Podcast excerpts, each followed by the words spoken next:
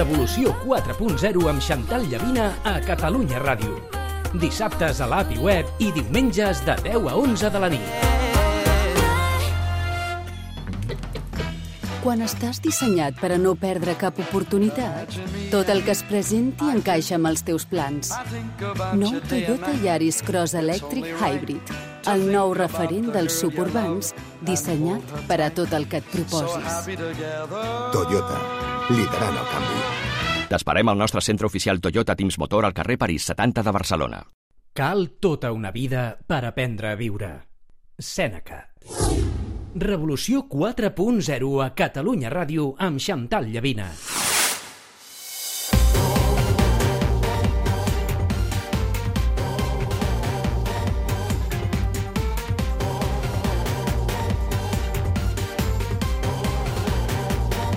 Masterclass Becerra amb Santiago Niño Becerra. Quan parlem d'economia acostumem a parlar de males notícies, de previsions dolentes, de crisis. Fa uns dies, però, vam conèixer una notícia impactant. El fundador de l'empresa de roba Patagònia ha decidit regalar l'empresa, regalar, sí, valorada en 3 milions de dòlars a una entitat sense ànim de lucre per combatre el canvi climàtic. En un món sovint tan egoista, oients, descobrir notícies com aquesta et deixen més glaçat que el fred que fa a l'hivern. Ja us imagineu a on? A la Patagònia. Para cambiar el mundo, cambiar el planeta y que la capa de ozono se recupere. Para cambiar el mundo se necesitan metas, juntos lo podemos lograr. Canviar el món, l'intentarem canviar amb el catedràtic Santiago Niño Becerra. Bona nit, què tal? Què tal? Bona nit, Chantal, bona nit. Què et sembla això de l'amo de la Patagònia?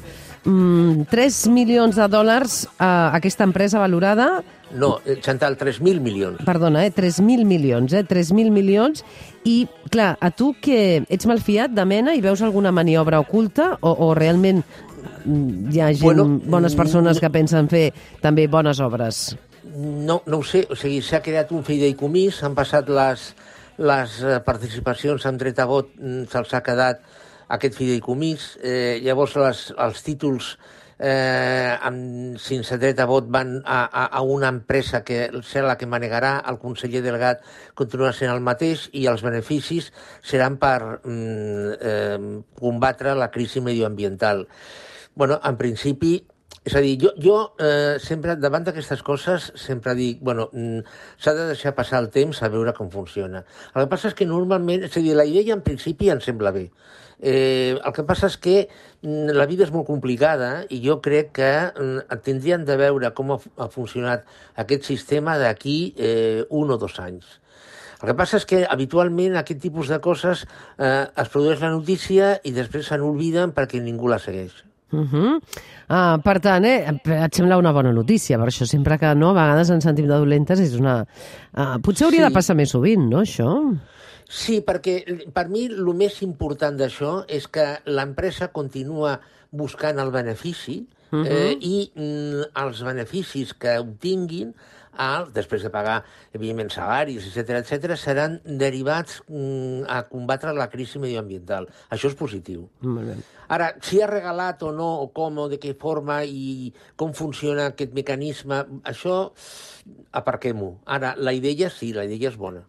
Avui també vull començar llegint un altre tuit teu en aquesta secció que diu, que diu així, no?, del Santiago. Des de finals d'agost a tota Europa la paraula que cada vegada se sent més és sacrificis, no? Jo em pregunto per la legitimitat de demandar a unes poblacions eh, sacrificis quan els nivells de frau i elusió fiscal són els que són. Aquest tuit que va ser contundent, atenció, va tenir més de 700 retuits i més de 2.000 likes. A quins sacrificis, no, Santiago, et refereixes en concret? Bueno, és que, és que estem davant d'una situació, Chantal, que, mm, bueno, a veure, és que no vull espantar, però mm, llegint el que, estem, el que, el que, eh, el que llegeixo, és a dir, mm, el preu del gas es dispararà, el preu de la llum es dispararà, s'està parlant de, de talls eh, entre 3 i 4 hores en els mesos d'hivern d'electricitat, eh, eh, els impostos continuaran eh, gravant aquests consums. Mm, bueno, eh, llavors, eh, jo, jo, és a dir, no estic criticant el, fi, el, el, el final de la pel·lícula, que estic, el que estic dient és que tenint en compte que Espanya té un, un, un frau i una il·lusió fiscal entre 60 i 90.000 milions d'euros a l'any, uh -huh. ostres, eh, a, abans de pensar en, en coses rares, eh, pensem en perseguir aquest frau fiscal.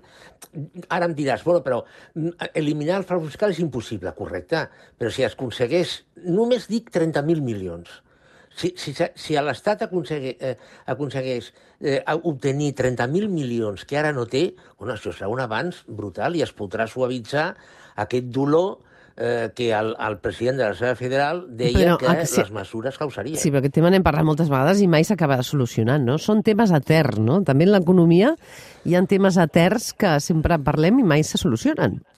Jo, Chantal, mm, pensant malament, eh, i això és una opinió meva, per favor, opinió meva, Santiago uh -huh. Niño, eh, pensant malament, jo crec que, bueno, hi ha...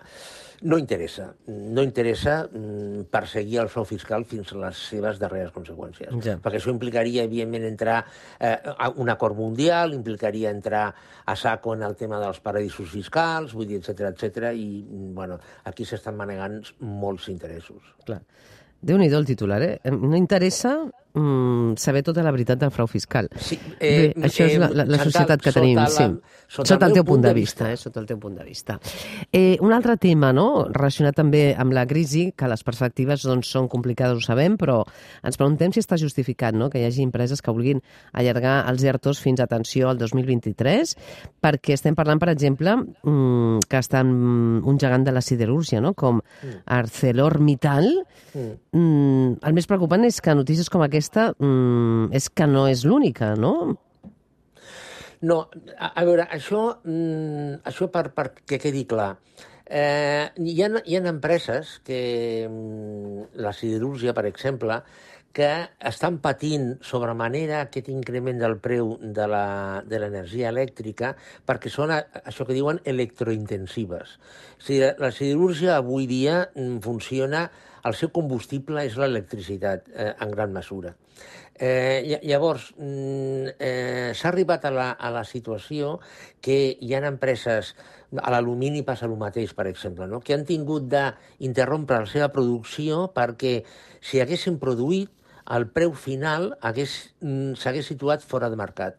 És a dir, ningú els hi hagués comprat el seu producte fabricat perquè hagués sortit a un preu fora de mercat. Per això Arcelor, que avui dia és, és la principal siderúrgia d'Espanya i una de les més importants d'Europa, eh, vol plantejar un ERTO fins al 31 de desembre del 2023 que afectarà a 8.300 treballadors. Déu-n'hi-do, quants? 8.300 treballadors, sí, eh? Sí, sí, sí. 8.300 treballadors. No, és que, és que mm, a veure, eh, mm, Chantal, és que, sí. és que els polítics volen, volen camuflar o volen matitzar, però és que la, la situació, però és que la situació és molt dolenta, eh? és, que és, és que és molt dolenta. La gent està preocupada. Mm, canviem una mica ara el tema de la crisi i parlem d'una altra nova llei que se'n parlarà, la nova llei del tabac, eh, Santiago?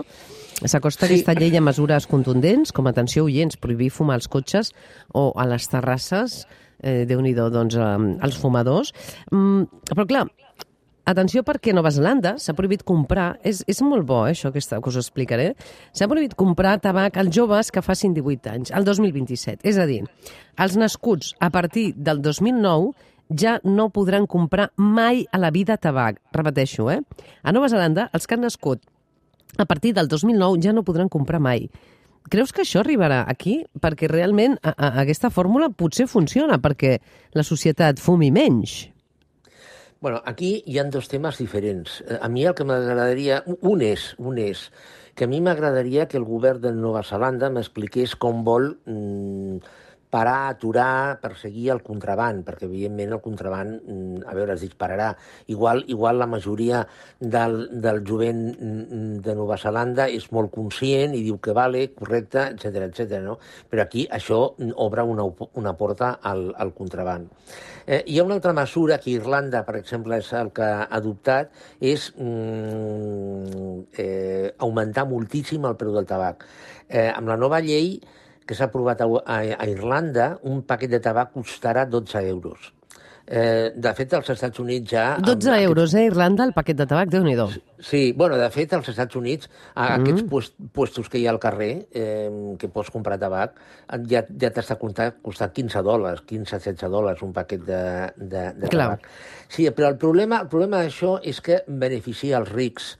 Eh, és a dir, per a un ric... Per què? mm, Home, per un ric, sense, per a una persona que està guanyant 200.000 euros a l'any, 16, eh, 12, posem 12 dòlars, eh, 12 euros un paquet de tabac, no representa el mateix per una persona que està guanyant 40.000 eh, o, o o 20.000 euros. No? Lla- Llavors, eh, això per una banda. En segon lloc està el tema torno a dir, de, mm, eh, del contraband. Jo crec que això tindria que anar, anar més per la banda de l'educació, però és que per altra banda hi ha el tema dels ingressos fiscals. És a dir, per una banda, a l'Estat, ja parlo d'Espanya, eh, a l'Estat li interessa que la gent fumi menys, perquè això significa mm, una salut millor, això significa menys despesa sanitària, etc etc. però per altra banda, eh, això significa menys ingressos fiscals per la banda d'impostos. Clar, Eh, perquè si es prohibeix finalment vendre el, ta el tabac, què passaria no, amb aquests ingressos que dius que, que venen dels impostos? Perquè, atenció, estem parlant de 9.000 milions d'euros que són, eh, venen de la venda de, del tabac a l'estat espanyol, eh? Bueno, doncs una de dues, o es tindrien de buscar aquests 9.000 milions en un altre lloc, o bé es tindria de reduir la despesa a 9.000 milions. Quina despesa? No ho sé. Però, però a veure, és que això són faves comptades. És a dir, el, el tabac està donant 9.000 milions. És cert que el tabac està produint eh, malalties que s'han de tractar, i això és una despesa. Eh, però, evidentment, el net favoreix a l'Estat. Ja suposant que la meitat es gasti en, en tractar malalties eh, produïdes per al tabac.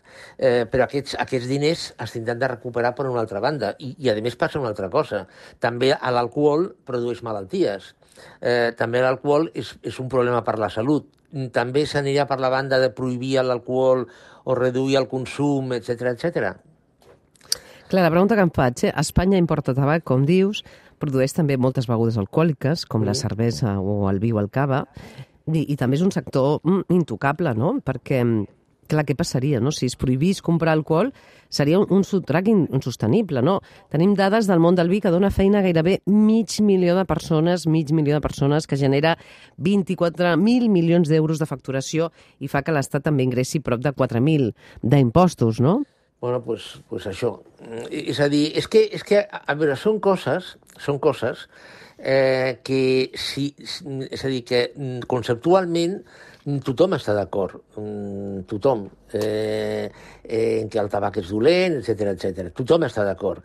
Però quan s'ha de posar fil a l'agulla, això té un impacte econòmic. Un impacte econòmic en ocupació, en, en facturació de les empreses, amb impostos, etc etc. Jo, sota el meu punt de vista, la, la via no és prohibir, perquè si prohibeixes, eh, automàticament apareix el contraband. Mm, L'exemple és la marihuana, per exemple. Eh, mm, jo crec que s'ha d'anar per la banda Clar. de l'educació.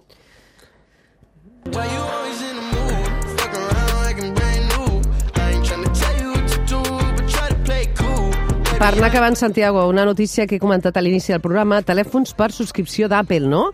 Sí. M'agrada perquè es podrem llogar. Pots llogar el teu telèfon mòbil, mm. igual que fas una subscripció quan fas a Netflix o altres productes. Et sembla una, una bona idea perquè tothom pugui accedir potser a productes mm, mm, de smartphone que són molt cars, sí? Sí, però, mm, Chantal, no és un lloguer, aquí està. Eh, És, que una subscripció. Sí, és, un, és, és pagar per accedir a l'ús. Eh, és, és, el concepte no és, no és nou, eh? És a Bé, dir, el però, per concepte- exemple, posem que per tenir un iPhone eh, pagues 30 euros al mes, no?, i tens un iPhone. No, no està clar, no està clar. Igual pagues per al temps d'ús. Igual, igual pagues segon per cada minut d'ús. És que no ho sé, eh? No ho sé, però podria ser una, una manera. Jo és que No, mm, em vaig llegir la notícia i, i deia com si fos una mensualitat, eh? Sí, sí, però no està clar. És a dir, hi ha diversos, diversos sistemes. Quin avantatge té això? Eh, L'avantatge que té és que sempre pots tenir el darrer model. És a dir, no, no, no has d'esperar que el model mm, tenir diners per comprar un altre model, etc etc. És a dir, pots tenir el darrer model. I a més passa una cosa molt curiosa. Apple vol posar en marxa, bueno, i, si, i si ho fa Apple, ho faran altres, eh? eh Apple vol posar en marxa aquesta fórmula quan eh, en la venda d'iPhones eh, iPhones està baixant. Vol Ah. dir el número eh, de- Ja. d'iPhones, no la Ja. facturació. Ja. Eh, Però la venda... Llavors, clar, ara, per, per obrir una porta nova a mm, continuar facturant, o inclús més, eh, deixen aquesta porta oberta de pagar per accedir a l'ús del, del telèfon. Tu ho faries per acabar, sí? Vols subscriure o prefereixes pagar-te és el teu és telèfon? Que, és que, a veure, jo, Clar. jo, jo vull tenir el meu. eh, Clar, tu vols tenir el i, teu. I, i, ja està. I si no me'l puc canviar, doncs, bueno, espero un any més i ja està. Clar, i fas un estalvi. Com sempre, un plaer. Santiago Niño. Becerra, al Revolució 4.0 de Catalunya Ràdio. Molt bé, Xandall, bona nit.